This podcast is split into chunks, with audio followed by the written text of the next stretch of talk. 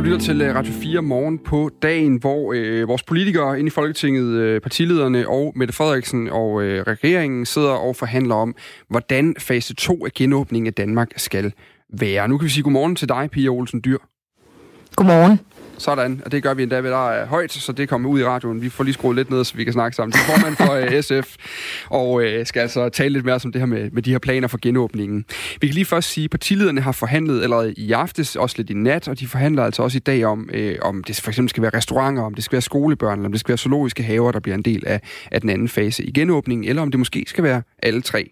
Pia Olsen Dyr, du har advaret om ikke at gå åbne op amok Hvorfor frygter du for en øh, hurtig genåbning, når nu Statens Serum Institut konkluderer, at, at store dele af Danmark kan genåbnes uden far for, at smittekurven går den forkerte vej? Jeg synes, det her skal være en balancegang, for jo, SF er med på at åbne, og jeg synes, de forslag, statsministeren er kommet med, er glimrende forslag. Vi har særlig fokus på de unge, øh, de store børn, som jo i den grad har holdt tilbage i forhold til at kunne lave helt almindelige hverdagsting, og det har de brug for at gøre igen, mere at komme i skole og på efterskole. Men jeg synes også, vi skal holde for øje, at vi kan bare ikke gå tilbage til gamle dage. Det her er en sygdom, som stadig er i det danske samfund. Vi skal stadig passe på, samtidig med, at der er mere optimisme, fordi vi netop har passet på, men det er ikke det samme som, at vi kan slække på det der med afstand eller at vaske hænder. Mm. Altså, man, man siger fra Statens Serum Institut allerede nu, at, at uh, der er tegn på, at coronaepidemien vil, vil dø ud, selv hvis samfundet åbnes yderligere. Men hvad er det helt præcis for nogle ting, du, du er uh, særligt nervøs for, når du advarer om ikke at gå åbne op amok? Fordi Serum Instituttet samtidig også siger, at, øh, at hvis vi åbner for hurtigt, så risikerer vi, at alt for mange bliver smittet. Øh, og så risikerer vi at komme ind i det der røde scenarie, som vi så i Italien, som jeg ingen interesse har, og det kan jeg heller ikke forestille mig, at min kollega på Christiansborg har. Det er jo sådan med den her epidemi, at det kan godt være, at den dør ud nu, men vi kan risikere, at den kommer tilbage, og danskerne er ikke immune over for sygdommen, øh, fordi vi heldigvis ikke har haft særlig mange smittet. Så vi skal hele tiden gå lidt forsigtigt til værks. Men som sagt, der er mere optimisme nu, der er mere mulighed, fordi vi netop har passet på, og der vil være vores fokus især være på de store børn og på de unge i de forhandlinger, vi skal have i dag. Men, men, øh, men hvad er det så, hvad, for lige at spørge igen, fordi jeg, jeg synes ikke helt, jeg fanger et svar, men hvad er det for nogle særlige ting? Nu er der talt om restauranter, der er nogen, der taler om øh, grænserne, der har talt om storcentre, øh, og så er der nogen, der taler om Superliga-fodbold også øh, sågar. Altså, hvad er det for nogle ting, du er særligt øh, nervøse for, når du, øh, når du kigger på det her? Jamen, det er jo blandt andet, hvis man hæver tallet 10 øh, til flere. Altså det her med, hvor mange vi må forsamles. Ja. ja, Øh, hvor mange vi må forsamles, fordi vi ved, at jo flere vi er sammen på samme tid, øh, og det, man skal lige huske på, at de private virksomheder har altså været over 10, øh, og det har man også været for eksempel på skolerne. Men hvis vi generelt siger, at alle må gerne mødes over 10, øh, måske 100 eller 200, så risikerer vi at presse øh, i forhold til, at der kommer meget mere smitte. Og det skal vi være forsigtige med, fordi der er altså stadig en sygdom derude, selvom det ser positivt ud. Men den her grundblok, man jo taler om fra Statens Serum Institut, den her ekspertgruppe, øh, ledet af, af Robert Leo Skov, som har siddet og, og kigget på det her og udgivet den her 69 lange øh, sider lange rapport, vi, vi, øh, vi tager talt om her til morgen. Den her grundblok, som handler om øh, detailhandel, som handler om øh, professionel idræt uden tilskuere, ind- og udlån på biblioteker, og, og så det, de kalder kritiske offentlige arbejdspladser, som blandt andet Arbejdstilsynet og Forsvaret, samt så de zoologiske og botaniske haver. Dem er du ikke nervøs for udenbart at, at, at, at give, give los på? Nej, jeg er sådan set åben over for den grundblok, som Serum Instituttet har foreslået. Og jeg er egentlig også villig til at lytte til de mange øh, restauranter og caféer, der er enormt presset lige nu, hvor man kan diskutere noget udservering, fordi øh, vi kan også se i Serum Instituttets rapport, at det er mindre farligt udenfor, end det er indenfor i forhold til smitten. Så alle de der elementer tror jeg, at vi skal gå i gang med, men vi skal stadigvæk bare huske, at det er under nogle forudsætninger, som er afgørende, nemlig at vi fortsat holder afstand, og vi vasker hænder og alt muligt andet. Og så vil vores fokus i forhandlingerne være, om vi kan få efterskolerne ind under nogle særlige betingelser, fordi vi godt ved, at her er der også mulighed for, at mange sammen kan smitte rigtig meget. Men hvis de ikke får mulighed for for eksempel at tage hjem fra efterskolen, de bliver bedt om at blive der, jamen så er det jo et isoleret kredsløb i virkeligheden lidt ligesom en familie, og det kunne være en mulighed i forhold til at åbne op for dem. Man taler jo det her om uh, smittetrykket, og de seneste tal fra Statens Serum Institut viser, at, uh, at smittetrykket ligger på, på 0,9.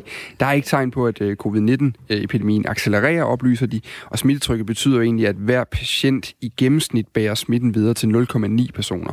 I Danmark der er over 270.000 mennesker blevet testet, knap 10.000 er testet positive, mens 506 mennesker er døde med uh, coronavirusen.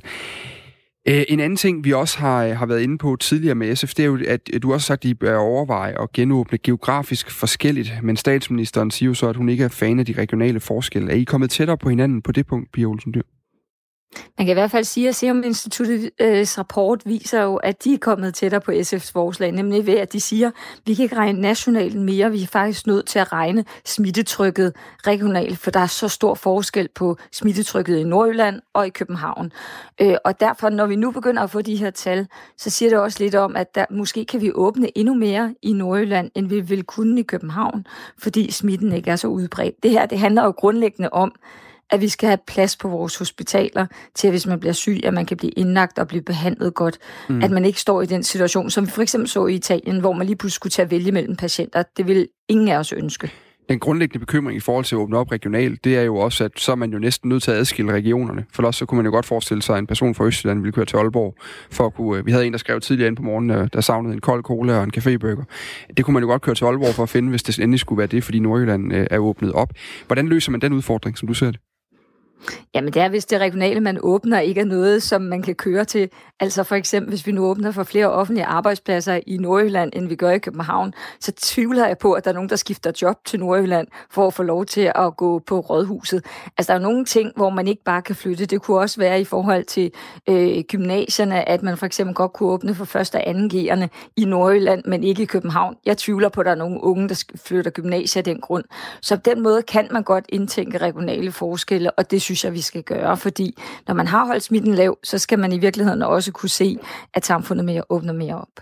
Pia Olsen Dyr, øh, vi spoler lige en lille smule tilbage, fordi øh, du vil sådan set gerne have, at efterskolerne, eller i hvert fald se på muligheden for, at efterskolerne de kan åbne op igen.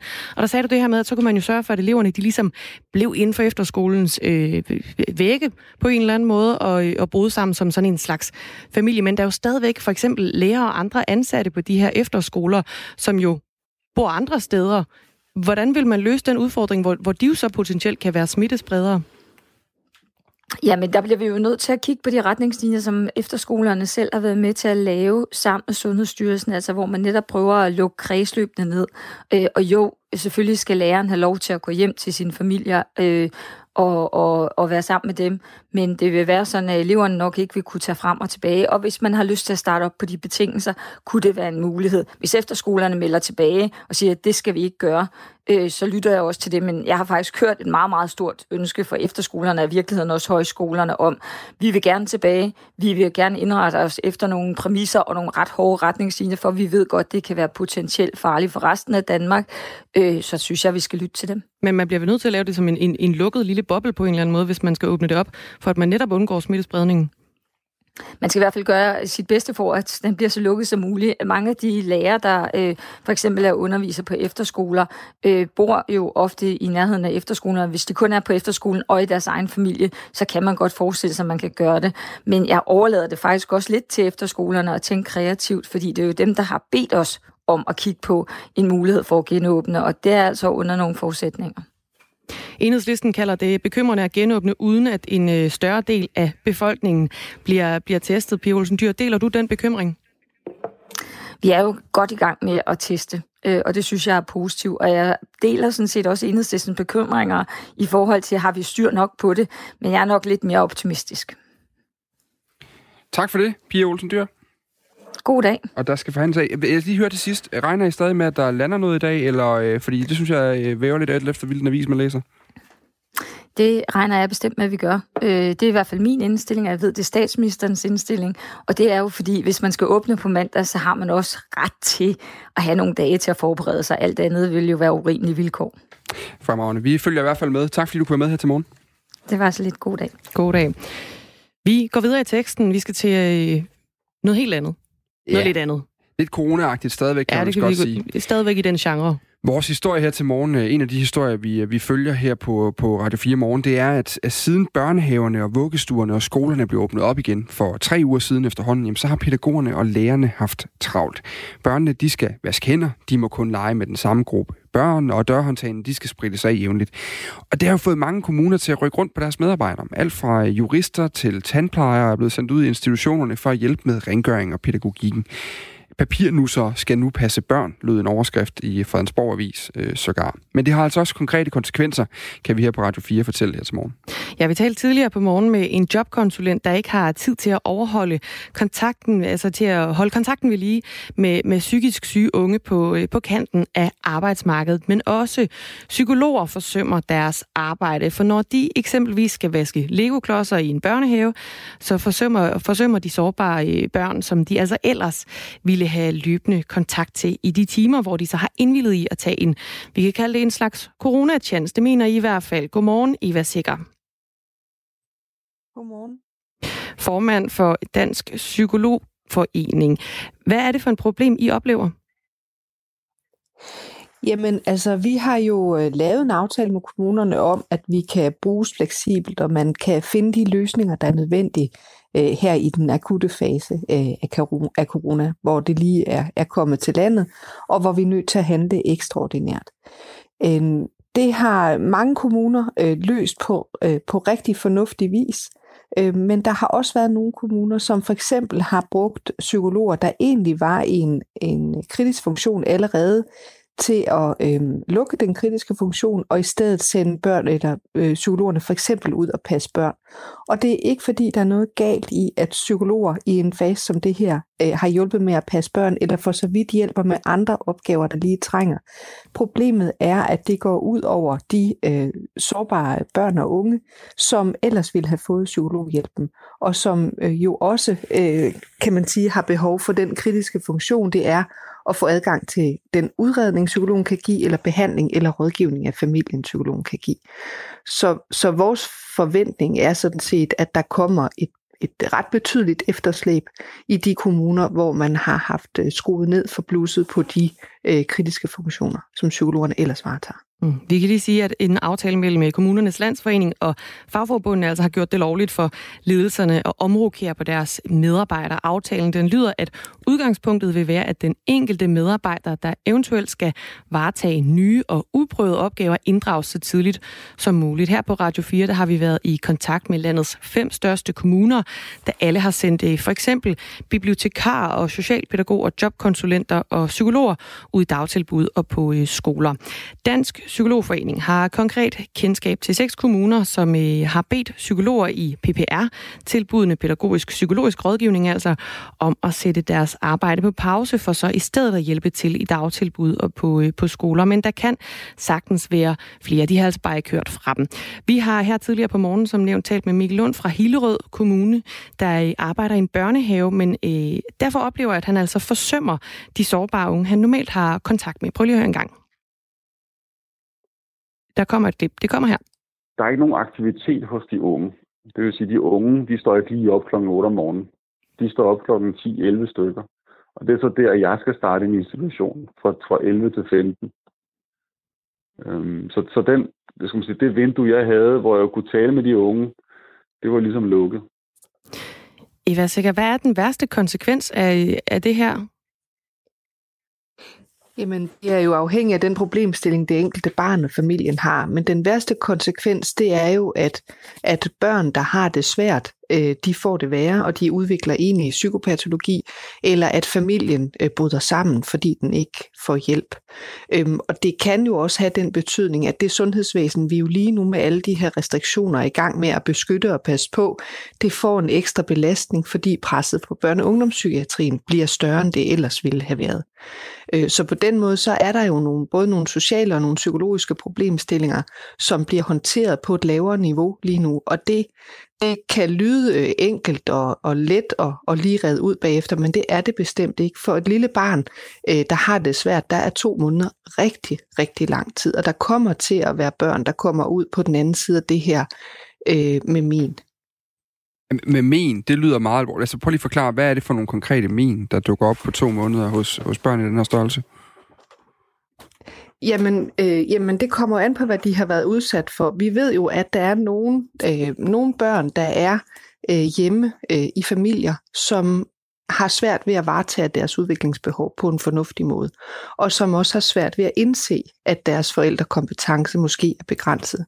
Og de børn, øh, hvis de er hjemme i en stærkt belastet familie i to måneder, så kan det få betydelige konsekvenser øh, for deres øh, udvikling på lidt længere sigt.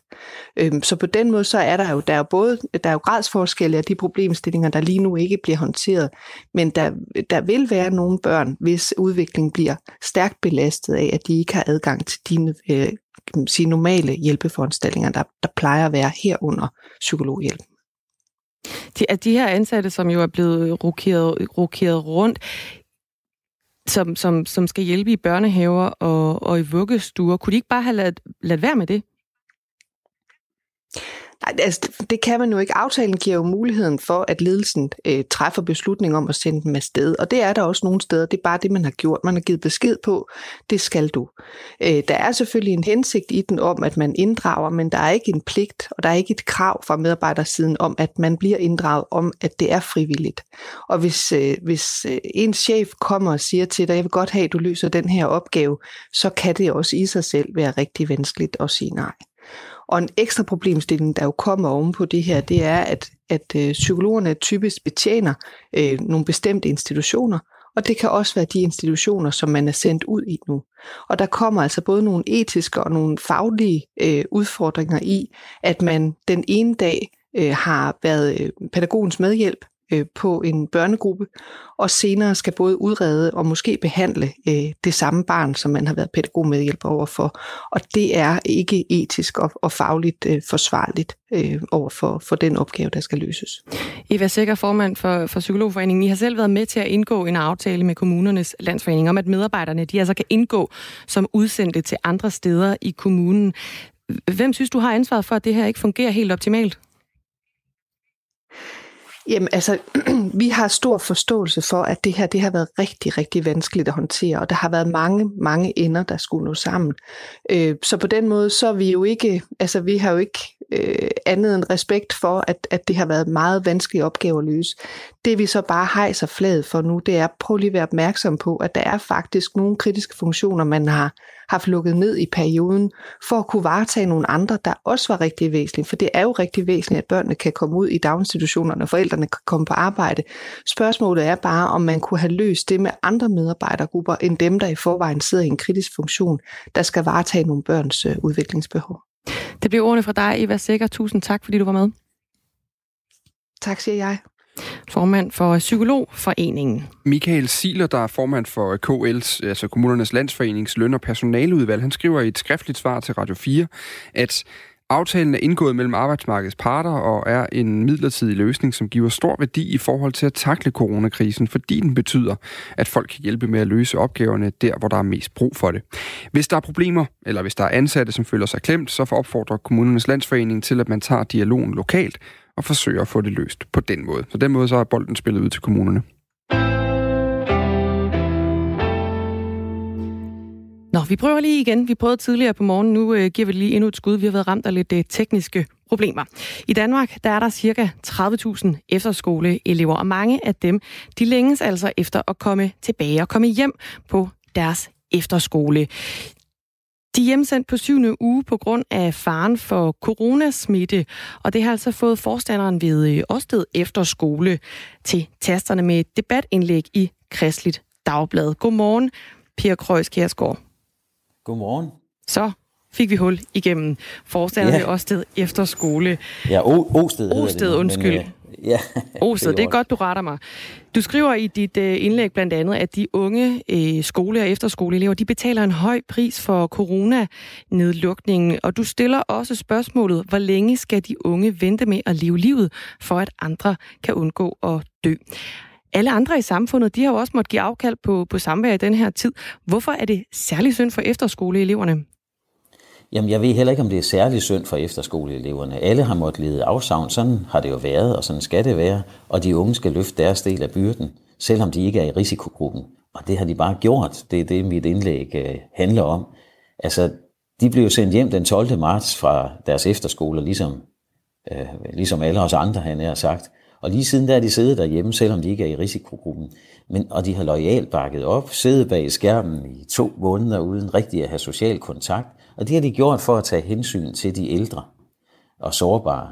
Og den store folkelige opbakning fra de unge, den synes jeg for det første, de skal have kæmpe stor ros og tak for.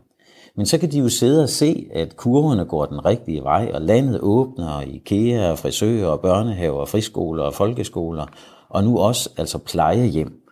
Og det, at plejehjemmene åbnede, er en dejlig ting, men det var det, der fik mig til tasterne, fordi når plejehjemmene, der hvor de mest sårbare mennesker bor, åbner, skal vi så sige til de unge, I skal sådan set bare blive siddende inde på værelse, fordi nu skal vi andre i gang, og de gamle skal have besøg på, øh, på plejehjemmene. Så det var det, ja, der var mit anlæggende. Forskellen på de to ting er jo, at, at man har jo faktisk haft nogle plejehjem, hvor, øh, hvor, hvor de ældre jo ikke, har, ikke engang har kunne se deres familie. Altså, hvor de simpelthen mm. har været helt begrænset fra det øvrige samfund. Mm. Det er jo ikke tilfældet med de unge. De har bare ikke fået lov til at være lige præcis på efterskolen. De har jo ikke blevet begrænset derhjemme mere end alle andre. Er der ikke forskel på de to ting?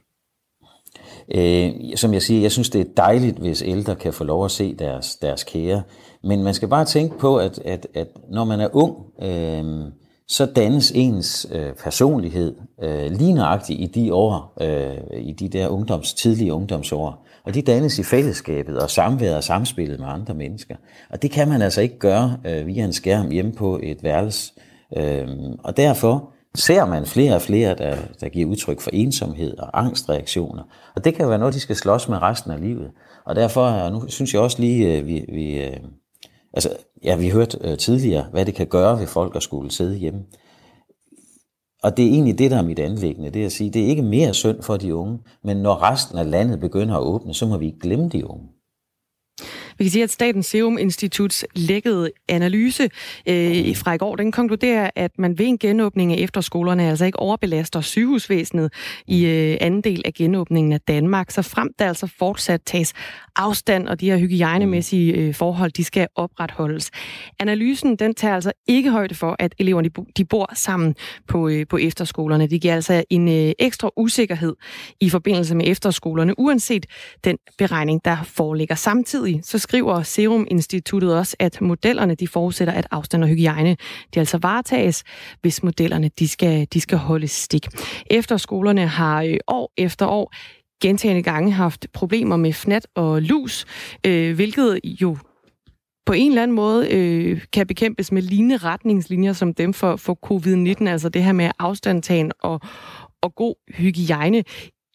Hvordan vil du som forstander sikre dig, at øh, eleverne overholder hygiejnekravene, når du øh, også skriver, at elevernes samfundssind efterhånden er ved at være, være tyndsligt, Per Krøjs Kærsgaard? Jamen altså, vi, vi har en række initiativer, både øh, hele efterskoleformen samarbejder jo om at lave øh, gode initiativer, som er afstemt med sundhedsmyndighederne. Og nu nævner du med, med lus og fnat. Altså, jeg, jeg tror, at, at det er noget, både familier og skoler og efterskoler slås med i perioder. Det her har bare en anden karakter, fordi det potentielt kan være dødeligt for, for mennesker. Det er det andet, lusene trods alt ikke. Så derfor tager vi som samfund jo meget mere alvorligt på, på det her øh, coronaproblematikken. Og derfor er hele samfundet, og alle, vi alle sammen har jo skiftet øh, hvad skal man sige, indstillingen til en række ting. Øh, på skolerne, der vi, vi har hos os øh, indrettet og sådan, at når eleverne kommer, så bliver der ikke længere buffet.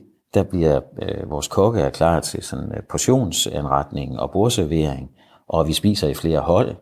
Eleverne, de skal blive inde på skolen. De må ikke lige gå hen i brusen efter chips. Det kan de købe i en kiosk, vi selv har, på, eller åbner på skolen.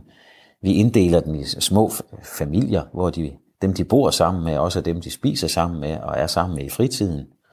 Og så laver vi selvfølgelig ligesom i grundskolen, altså to meter mellem øh, eleverne i undervisningslokaler og, og de steder, hvor man sådan er sammen. Og hvad med på værelserne? Og, jamen på værelserne, der bor de jo øh, sammen, øh, to, tre og fire. Og, øh, og det, øh, det prøver vi jo netop at sige, at, at der bor man jo sammen, ligesom man gør hjemme i en familie. Og der vil det være utopi at tro, at, at, man, at man kan holde to meters afstand. Men ved det, at man bor sammen og spiser sammen, og holder, så, holder, så, så begrænser man smitten. Og det har også været nogle af de ting, som vi har drøftet med sundhedsmyndighederne, hvordan, øh, hvordan det kan, kan ske, at det så ikke øh, vandrer imellem værelserne. Og så, er det også, har adgang. Ja. Per Kreuz, det her spørgsmål om, øh, om, om lærerne og, og de øvrige ansatte, som jo på den ene eller den anden mm. måde skal hjem, de kommer også til at have deres øh, daglige gang på en eller anden mm. måde med, med eleverne. Betyder det, at altså, skal lærerne også så holde sig inde på skolens areal, kan man sige, for at undgå yderligere ja. smittespredning? Nej, det skal det ikke, men der skal vi jo virkelig jagtage, og det, der, der har vi en, en instruks, man kan sige. Vi har jo også friskoler og folkeskoler og børnehaver, der er i gang, hvor personale kommer og går. Og der kan man sige, at, at, at, at der jagter man jo rigtig strenge hygiejneregler og instrukser til medarbejderne om, at man skal holde afstand. Øh, og det vil vi også gøre til vores medarbejdere, at man skal holde afstanden, og man skal sikre hygiejne og håndsprit. Og der har vi lavet et særligt system, sådan at vi sikrer, at alle får vasket hænder og gjort det øh, nødvendige antal gange om dagen, og, og mere tid til rengøring og dørhåndtag, der bliver spritet af mange gange om dagen, sådan at man ikke bærer smitten med sig hjem. Mm. Så vidt altså øh, ordene fra øh, dig, Per Kreuz Kjærsgaard. Tusind tak, fordi du var med. Selv tak, tak fordi jeg måtte være med. Forstander for Osted Efterskole, kunne jeg så også lige øh, få med her. Ja, lige præcis. Vi det bliver klogere alle sammen ja, det i løbet af morgenen. Anne Philipsen, vi vil gerne være med nyhedsoverblik.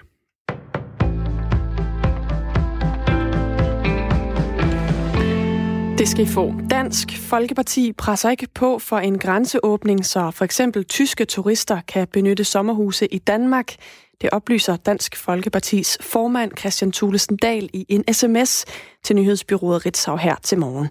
I dag der skal partierne på Christiansborg forhandle om næste fase af en genåbning af samfundet, og der er flere partier, der presser på for at få en afklaring omkring genåbningen af grænserne, sådan så tyske og norske turister kan komme til Danmark. Men statsminister Mette Frederiksen har ikke planer om at åbne grænserne nu. Det sagde hun i aftes, da hun kom ud fra forhandlingerne om genåbningen. Vi er opmærksom på grænsen, men på min liste ligger det jo ikke som det første. Det har Venstre, Liberal Alliance, Konservative og Radikale Venstre, der gerne ser en snarlig grænseåbning. Og med Dansk Folkeparti ombord, der kunne der altså have været et flertal udenom regeringen. Jeg presser ikke på for en grænseåbning, lyder det fra Dansk Folkepartis Christian Thulesen Dahl. Derimod ønsker jeg hurtig afklaring for turistbranchen, så de kan blive frigjort fra lejeaftaler med udlændinge og i stedet kan lege ud til danskere, skriver han. Forhandlingerne om den næste fase af genåbningen begynder i dag kl. halv 11, og det er planen, at statsministeren skal præsentere planen for den næste fase af genåbningen af samfundet senere i dag. Når den danske økonomi skal tilbage på benene efter coronakrisen, så er der også brug for at tænke grøn omstilling ind i billedet. Så lyder det fra regeringens uafhængige rådgiver i Klimarådet. I dag præsenterer de et forslag til en genopretningspakke, der indeholder 14 tiltag, som skal hjælpe til med den grønne omstilling, samtidig med, at økonomien kommer på benene igen efter coronakrisen. Rådet foreslår blandt andet, at der skal være mere tilgængelighed til opladning af elbiler, at der skal være mere fokus på energirenoveringen af bygninger, og så foreslår de også at sænke elvarmeafgiften. Der er stadig mange, der forsøger at få sendt ulovlige våben til deres adresse i Danmark. Sidste år beslaglagde Tolstyrelsen 13.000 ulovlige våben. Det er rekordmange og tusind flere, end man gjorde i 2018. Og det er især en skærpet kontrol og et større fokus på internethandel, der har gjort, at tollerne finder flere våben end tidligere. Det siger Preben Buchholz, der er kontroldirektør hos Tolstyrelsen. Det viser, at der bliver bestilt rigtig mange øh, forskellige våbentyper på internettet, og den finder vi så i postkontrollerne. Praktisk så opdager tollerne de ulovlige våben ved hjælp af hunde, scanner og så dygtige tollere, og det er altså lidt af hvert, de støder på, siger Preben Bukholz. Ja, det vi ser, det er helt traditionelle knive, øh, kasteknive, Counter-Strike-knive, man, øh, man kan se fra spillene. Vi ser også nogle øh, lidt mere farlige våben, som skjulte kreditkortknive. Altså øh, Øh, øh, elementer, som man ikke kan se er et våben, som rent faktisk er et våben. Så det er sådan næsten øh, kun fantasien, der sætter grænser for, hvad der kan være et våben. Tilbage i 2015, der fandt 12-styrelsen 1390 ulovlige våben, så der er altså sket mere end en ottedobling siden, og ifølge styrelsen, så skyldes den stigning især, at man har skærpet kontrollen. Flyselskabet Air France KLM har haft et hårdt første kvartal på grund af coronaviruset. Selskabet fik et underskud på 13,4 milliarder kroner. Det viser regnskabet fra det hollandske franske flyselskab, som er offentliggjort her til morgen. Og det var især de sidste to uger af marts, at flyselskabet blev ramt. Det var da coronaudbruddet for alvor ramte Europa. Men det hører også med til historien, at det første kvartal normalt er en svær periode for flyselskaberne i forhold til at tjene penge. Og i samme periode sidste år, der fik Air France KLM et underskud på 2,4 milliarder kroner. Vi får tørt vejr med nogen eller en del sol i dag, men i den sydvestlige del af landet, der starter dagen mere, mere skyet. Temperaturerne i dag, de sniger sig op mellem 12 og 16 grader.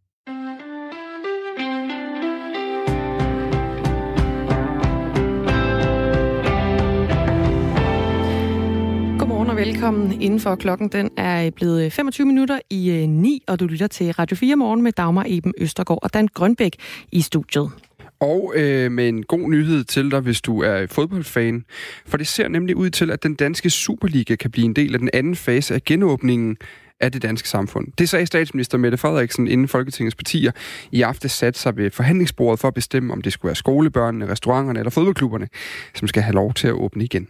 Vi har behov for, at der bliver spillet noget fodbold igen, og det bliver ikke med tilskuere øh, og en kold fadøl, som vi øh, os, der godt kan lide at gå på stadion, kender det endnu. Men vi har behov for, at Superligaen kommer i gang igen, og det er jo sådan et eksempel på en aktivitet, der er lidt mindre, men som har en, en, en stor og vigtig betydning for i hvert fald rigtig, rigtig mange af os i, i Danmark. Godmorgen Jesper Jørgensen. Kan du Godmorgen. høre? Godmorgen. Du er sportsøkonom. Jeg kan høre dig. Ja, ja, det er godt. Der er en lille smule forsinkelse på linjen her, kan jeg høre, så vi må lige være gode ved hinanden og give tid til at øh, og så er færdige, så skal vi lige tænke på hinanden her. Hvis fodboldspillerne får lov til at komme på banen igen, så øh, bliver det jo uden tilskuere. Det bliver uden øh, fadøl og en pøls, som øh, Mette Frederiksen også er inde på her.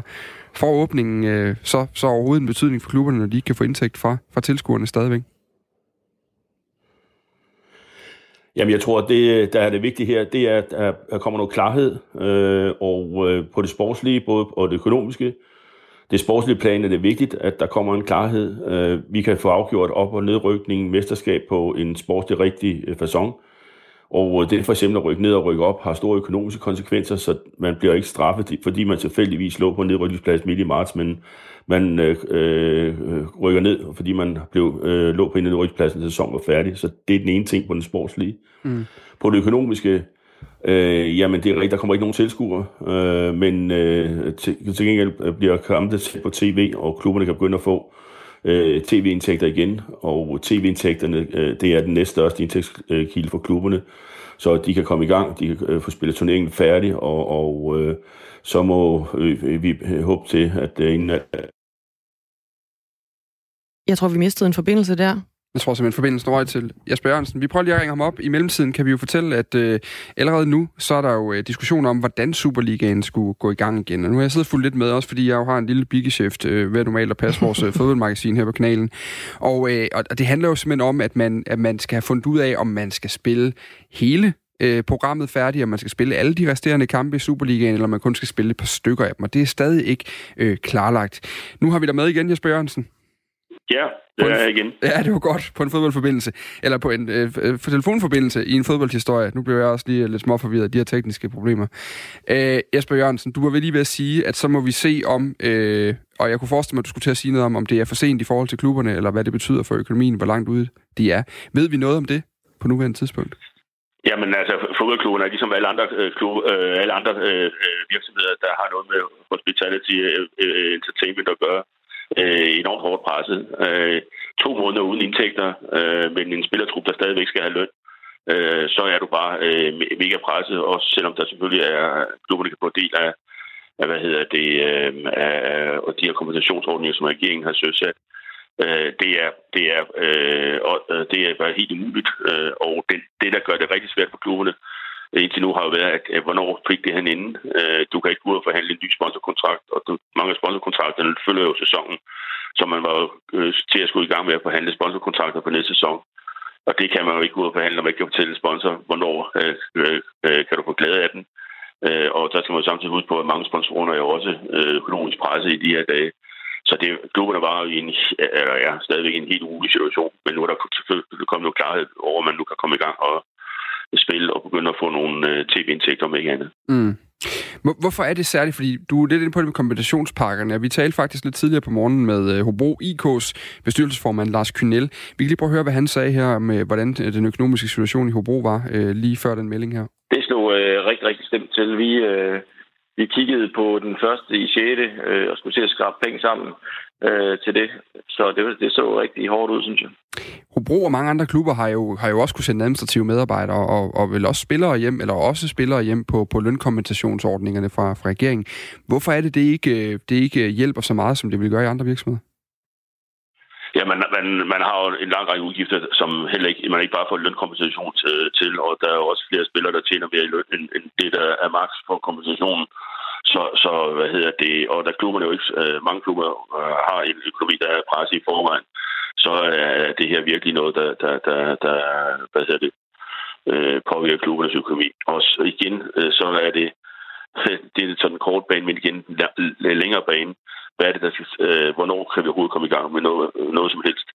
øh, der gør, at man har en usikkerhed. Man kan ikke gå til aktionærerne og sige, at vi skal bruge øh, x millioner kroner eller y millioner kroner, øh, fordi man øh, simpelthen ikke har noget øh, sigte på, hvornår øh, tingene bare begynder at normalisere sig en lille bitte smule. Mm. Og, og det er en klarhed, der er kommet nu, og så kommer der selvfølgelig et tidspunkt, hvor vi kan lukke tilskuere og sponsorer ind i, i, i, som normalt.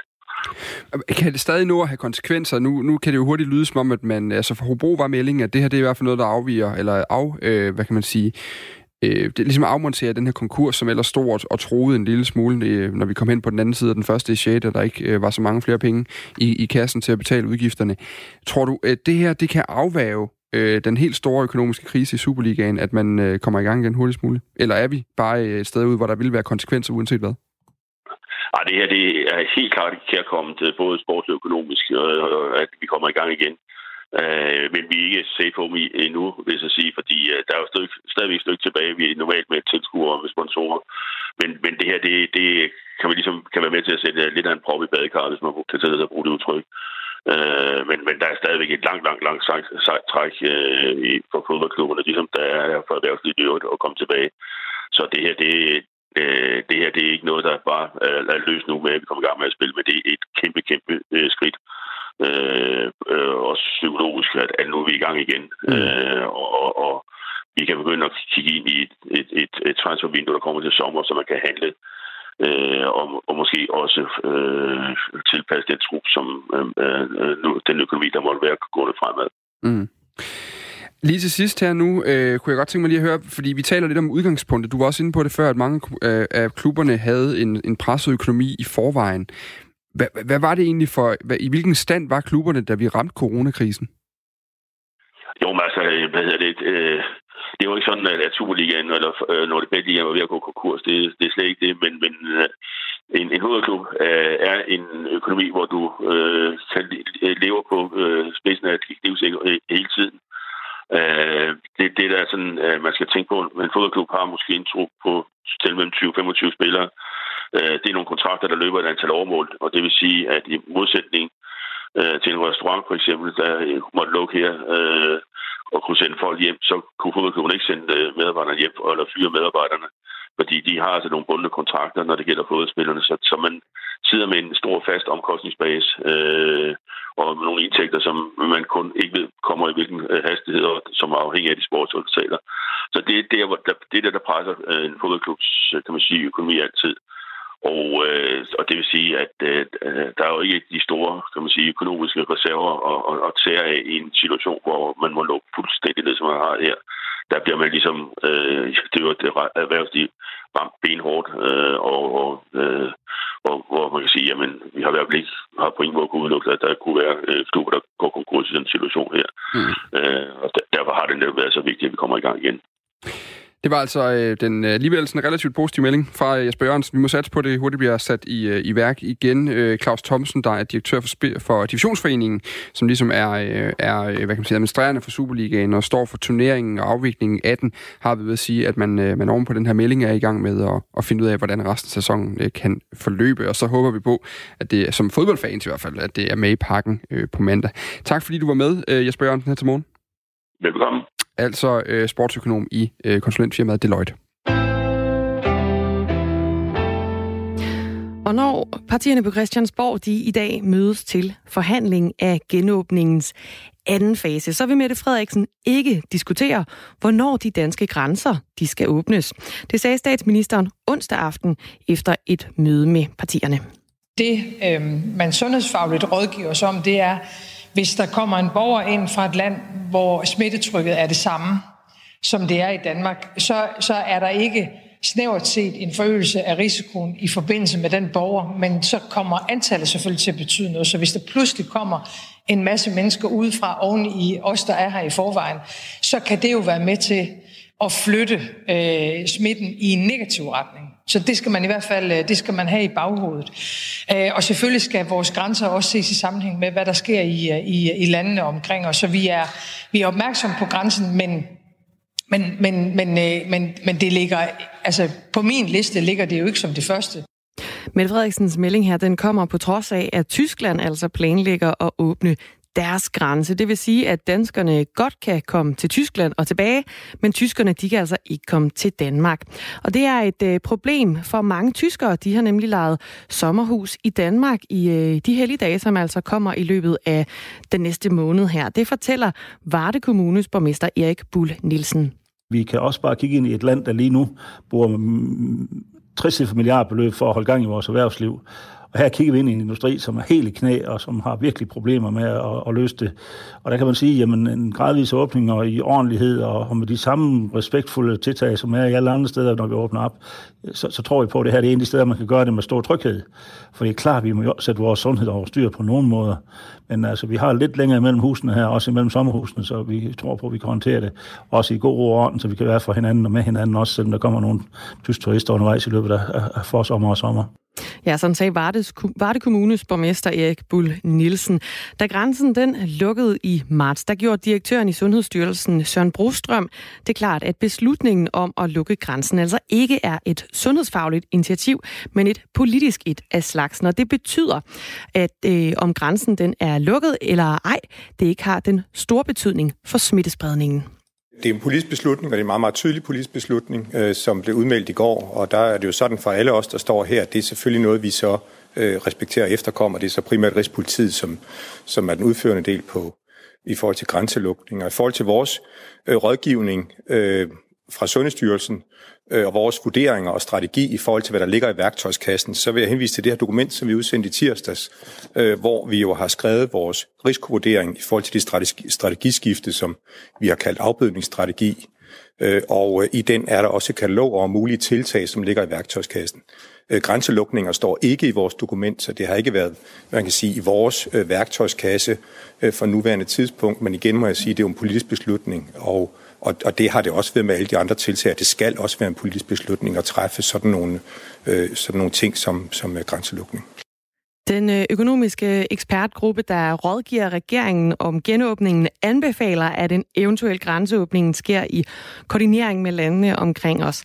Da Tyskland øh, planlægger en grænseåbning den 15. maj, så mener flere politikere, at Danmark altså også bør følge trop. Det siger Venstres formand Jakob Ellemann Jensen hele øh, sommerindustrien, om man må, må kalde den det, er jo afhængig af det her. Det handler ikke kun om, om udlejning af sommerhus, det handler altså også om de erhverv, som, som følger med her. Øh, og de er nødt til, om ikke andet, så at have et svar de er nødt til at have noget at gå videre med. De er nødt til at vide, er der et perspektiv for, at det bliver vores tur. Og når nu man er i Tyskland, øh, jeg ved, at kansler Merkel har haft møde med, med de forskellige lande i dag, hvor man altså har drøftet øh, det her med, med grænseåbninger. Når nu man har de drøftelser i Tyskland, så er det altså også nødvendigt, at vi har dem i, i Danmark.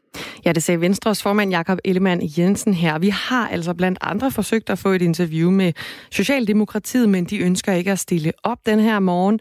Vi ville ellers gerne have spurgt dem om, hvorfor de fortsat vil holde grænsen lukket, når nu flere ting de altså peger imod, at den, øh, den bør åbnes. Det var også noget af det, de her, øh, det her jeg hvad kan sige, eksperthold af økonomer pegede på, da de kiggede på, øh, på de økonomiske konsekvenser og effekter af en eventuel genåbning. At man sagde, at, at grænseåbning er altså noget, der vil have stor effekt for det danske erhvervsliv, for den danske økonomi, hvis det kunne lade sig gøre. Inden partilederne de i aften satte sig ved det her forhandlingsbord for altså at drøfte øh, fase 2 af Danmarks genåbning, der havde de alle sammen fået tilsendt en rapport fra Statens Serum Institut, hvor de har regnet på, hvad der kan åbnes fra på mandag. Og der er altså særligt en ting, som øh, mange de har hæftet sig ved øh, fra den rapport. Så Statens Serum Institut, øh, de skriver, epidemien forventes ligeledes at dø ud for scenariet med genåbning svarende til grundblokken alene under forudsætning af, at fysisk afstand og hygiejne tiltag de fastholdes. Og her er det måske vigtigt lige at få forklaret, hvad grundblokken egentlig er for ja, en størrelse. Fordi betegnelsen grundblokken henviser til en øh, genåbning af følgende områder, altså detailhandlen, herunder storcentrene, som der er blevet talt meget om, professionel idræt uden tilskuer, herunder Superligaen, som vi blandt andet har talt om her til, til, til morgen. Så er det 5.000 kritiske offentlige arbejdspladser, såsom øh, arbejdstilsynet og forsvaret, samt de zoologiske haver, de botaniske haver og ikke mindst øh, bibliotekernes mulighed for ind- og udlån. Ja, vi spurgte her tidligere på morgen professor og biolog på Københavns Universitet, Allan Randrup Thomsen, om han er enig i, at coronaepidemien den kan dø ud af sig selv, når alting det genåbnes. Det kan jo kun være. Øh, der ligger jo øh, grundige beregninger til, til grundlag for det her. Øh, der er selvfølgelig altid usikkerheder på den slags øh, modelberegninger, men det ser meget overbevisende ud. Og i den her rapport, der har der altså været øh, 11 scenarier. Øh, nummer et er det mildeste, det indeholder blandt andet det, jeg lige har nævnt her, altså ved storcentrene, detailhandlen, idrætten osv. Scenarie 11, det indeholder ud over de førnævnte ting også øh, åbning af 6. til 10. klasse i skole- og klubtilbud, åbning af efterskoler og ind- og udservering på restauranter og caféer og øh, normalisering af det private arbejdsmarked. Fra 1 til 11, Allan Randrup Thomsen, hvor langt op i listen af scenarier kan man efter din øh, sundhedsfaglige vurdering gå? Jamen altså, strengt taget, hvis man, hvis man kigger på beregningerne, så kan man gøre det hele. Øh, det er så spørgsmålet, om man, man vil, vil det. Det er jo en afvejning af, hvor, hvor risikovillig man er i denne her sammenhæng, fordi der er jo en, en vis usikkerhed på beregningerne. Men det er klart, at, at sådan noget som erhvervslivet presser jo på for at, at komme i gang igen. Øhm, det, som, som jeg måske mest hæfter var ved i, i rapporten, det er, at, at vi må endelig ikke glemme øh, hele det grundlag, som det bygger på, nemlig at vi holder en god hygiejne og, og holder afstand. Øh, det, der er interessant, når man kigger på modellerne, det er næsten uanset, eller uanset hvad man ellers kigger på, hvis vi ikke øh, overholder de ting og går ned til, til halv, øh, halv afstand, hvis man kan sige det sådan, at halvdelen af mennesker ikke overholder afstandene, eller det, der er værre, at ingen gør det, jamen så bryder alt sammen. Øh, så øh, det er altså stadigvæk forudsætningen for, at vi kan gå videre. Og måske endnu vigtigere, end det nogensinde har været under den her øh, epidemi, at vi holder fast i det. Altså, der er jo også en anden ting, der hedder, at flere steder i rapporten, der er det nævnt, at den er lavet med stor usikkerhed i de her beregninger. Øh, er, er du tryg ved, at, at politikerne længer, læner sig så meget op af de tal, der står i, i rapporten, og de aftaler den her genåbning nu? Jamen, det, det er jo sådan set, altså fordi den, den er selvfølgelig behæftet med nogle usikkerheder. Det vil den jo altid være. For det første er det, en, en, en, er det matematiske modeller, man bruger, øh, og, og for det andet er vi et scenarie, som vi, vi aldrig har prøvet før. Så det er klart, at der er usikkerheder i det. På den anden side kan man sige, hvis vi ikke skal bruge den type rapporter til at komme videre, øh, så, så kan jeg ikke se så meget mening i, at, at vi sidder og bruger så meget tid på at, at diskutere, hvad der skal åbnes. Altså det er, øh, sådan som jeg ser det, det bedste sundhedsfaglige grundlag, vi kan have for at træffe øh, reelle beslutninger. Og så kan man jo så altid lukke mere eller mindre op, afhængig af, hvor risikovillig man er. Men, men, men jeg synes, at som udgangspunkt er det et, øh, et, et godt øh, værktøj, som øh, politikerne har fået. Ja, og Allan Randrup Thomsen, Dansk Industri og Konservativ, de har altså de seneste dage meldt ud, at de ønsker en fuldkommen genåbning. Vil det være sundhedsmæssigt forsvarligt på nuværende tidspunkt? Altså, det, det kan jeg ikke sige øh, ud fra, fra, fra øh, de øh, modelberegninger, der foreligger. Øh, jeg, har, jeg er tidligere blevet spurgt om, om øh, hvad jeg egentlig synes om den øh, idé, der ligger. Og der vil jeg sige, der, der synes jeg, at man er nødt til at skelne mellem to områder. Altså man kan sige, at alle de erhverv, som ikke har stor øh, kunde- eller klientkontakt, som bare øh, hvor der kun er intern kon- øh, kontakt på virksomheden, der mener jeg godt, at man kan øh, overveje i, i stor grad at åbne op, hvis det ellers foregår under restriktioner omkring afstand og så videre, måske også med en form for skifteholdsarbejde kombineret med hjemmearbejde. Der, hvor, hvor man skal tage et separat hensyn, det er ligesom de øh, virksomheder, som har øh, store kundekontakter, altså restauranter, caféer, forlystelsesparker, øh, hvad vi ellers nu kan komme i tanke. Dem er man nødt til at vurdere separat, og derfor er jeg sådan lidt nervøs for, at, at man giver sådan en, en, en blankocheck. Jeg ved godt, de siger, at der skal være restriktioner, øh, men, men altså, det, det skal overvejes lidt nøje, og det er jo sådan set også det, man allerede gør i, i rapporten, at man tager nogle områder ud, som, som har nogle særlige knaster, kan man sige, og regner på dem. Og vi kan se netop det her med restauranterne og caféerne, også noget, vores øh, lyttere de interesserer sig for. Der er en, der har skrevet ind til os, øh, jeg savner umådeligt meget restauranter med saftige cafébøger og kolde colaer, samt de brune værtshuse, som er et socialt samlingssted. Tanken om en eventuel åbning gør en helt forårskod. Øh, men det er jo der, hvor du siger, der skal man i hvert fald være lidt mere forsigtig, når man går i gang med serveringssteder, øh, både ind og ud. Ja, det skal man, men, men faktisk er der regnet på det også, og det, øh, det kan man godt øh, ifølge øh, beregningerne. Selvfølgelig, som sagt, er der en vis usikkerhed på det, men jeg kunne forstå på Mette Frederiksens udmeldinger i går, at, at det var noget, de overvejede, og jeg skal da ærligt indrømme, at jeg er også selv en af dem, der savner at kunne gå ud og spise eller sidde på en fortogsrestaurant. Den store historie er derudover også i dag, eh, Allan Random Thomsen, at Socialdemokratiet ikke vil sætte en dato på, hvornår den danske grænse skal åbne. Statsministeren sagde i aftes, at det ikke er hendes eh, første prioritet i hvert fald. Ud fra et øh, sundhedsfagligt perspektiv igen, altså mener du så, at, at grænsen kan åbne? Øh, jeg mener, det er en af de ting, som man, man kan begynde at overveje. Altså, jeg vil sige, jeg, jeg tror ikke på en generel grænseåbning til alle lande, men, øh, men nu begynder vi at se øh, lande i vores nabolag, øh, Tyskland, Norge, øh, måske på øh, lidt længere sigt også Sverige, som kommer så meget ned i, i smittetryk, at jeg ville føle mig helt tryg, hvis vi havde, øh, hvis vi kunne rejse over grænserne til de lande. Så, så måske ikke lige her nu, men, men inden, ikke for fjern fremtid, kunne jeg godt se, at man i hvert fald kunne forsvare det sundhedsfagligt. Hvorvidt man så politisk vil gøre det, det kan jeg selvfølgelig ikke udtale mig om. Så, så her i DK, og så taler vi med den tidshorisont, der hedder mandag lige nu, eller i hvert fald den meget nære tid lige nu. Vil det så give mening for det her perspektiv igen, sådan helt kort? Undskyld, jeg, jeg fik ikke helt spørgsmålet. Nej, at hvis vi lægger to præmisser ind, ligesom at, at det er noget, der skal ske hurtigt nu, og, øh, og det er sådan i det danske perspektiv, vil det så give mening at åbne grænserne på nuværende tidspunkt? Øh, altså, da der, da der ikke er øh, vurderet på det, og jeg ikke har nogen tal til at se på, så, så vil jeg sige, så vil jeg være forsigtig. Øh, jeg synes, man skal øh, overveje det, og, og, og så øh, at det kan indgå i øh, på lidt længere sigt i, i de samlede forhandlinger. Som sagt, de andre lande er heller ikke helt på plads endnu, så en lille smule ro på vil jeg, vil jeg anbefale. Ja, sådan sagde professor og øh, biolog på Københavns Universitet, Allan Randrup Thomsen, til os tidligere på morgen, hvor han gjorde os lidt klogere på, på risiciene ved øh, genåbningen af Danmark. Klokken er øh, 2 minutter og 15 sekunder i øh, 9, hvor vi skal have en omgang nyheder fra Anne Philipsen. Men øh, nu er vi jo, øh, når vi nu har talt genåbning hele dagen i dag, så er vi jo henne ved en tid nu også, hvor der så småt begynder at være en afrunding på den her sidste halvanden måneds tid, hvor mange af vores programmer her på Radio 4 jo også har været sat på pause. Vi er også i gang med en genåbning. det kan man godt sige. Og vi glæder os til her på radioen, at vi stille og roligt kan begynde at, at sende de her øh, programmer, der har holdt øh, pause igen. Fra på mandag den 11. maj, der er du igen øh, inviteret til at dele din holdning og erfaring i uh, vores lytterprogram Ring til Due. Jeg ringer til Due. Jeg hedder Camilla Due. Jeg ringer til Due. Og jeg sætter gang i en snak på tværs af landet i Ring til Due. Vi ringer til, til du. du. Der lytter i studiet, og du skal være med på telefonen eller sms'en. Jeg ringer til du.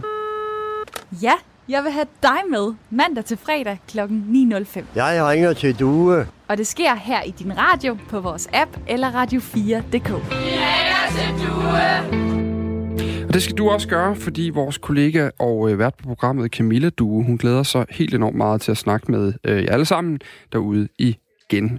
Har du allerede nu et emne, du kunne tænke dig at få øh, debatteret, så er Camillas øh, mailbox altså åben. Du kan sende hende en mail på ring til du, snabelag, radio 4 med et virtal.dk. Og det er altså fra på mandag, at Ring til du, som er øh, samtale- og lytterprogrammet her på Radio 4, vender tilbage klokken 5 minutter over 9. Og så fortsætter det altså bare derudad. Forhåbentlig. Det det. Ja. Ja. Men vi satser på, Vi at øh, vi igen. ikke lukker øh, helt ned igen. Nej, det ville være dejligt, hvis vi ikke gjorde. Det blev også sådan set, hvad vi nåede for, øh, for i dag, Dan. Ja, det gjorde det. Øhm, det bliver en dag, hvor øh, de i nyhedsudsendelserne resten af dagen, jeg kan se, at Philip, som står koncentreret og kigger på sin computer, det kommer hun til at gøre det meste af dagen i dag, fordi det, der kommer nyt om den her genåbning stille og roligt, og øh, vi skal nok holde dig opdateret på det. Og så er jeg faktisk også tilbage i en enkelt times tid i sådan en øh, helligdags edition i morgen tidlig, mellem 7 og 8, hvor jeg også lige helt sikkert kommer til at løbe igennem, øh, hvad der er på genåbningsfronten til dig. Vi siger uh, tusind tak uh, for i dag her fra Radio 4 morgen i studiet. Der var Dagmar Eben Østergaard og Dan Grønbæk. Ha' en dejlig dag derude. Nu er der nyheder. Klokken den er blevet 9, og Anne Philipsen hun er klar.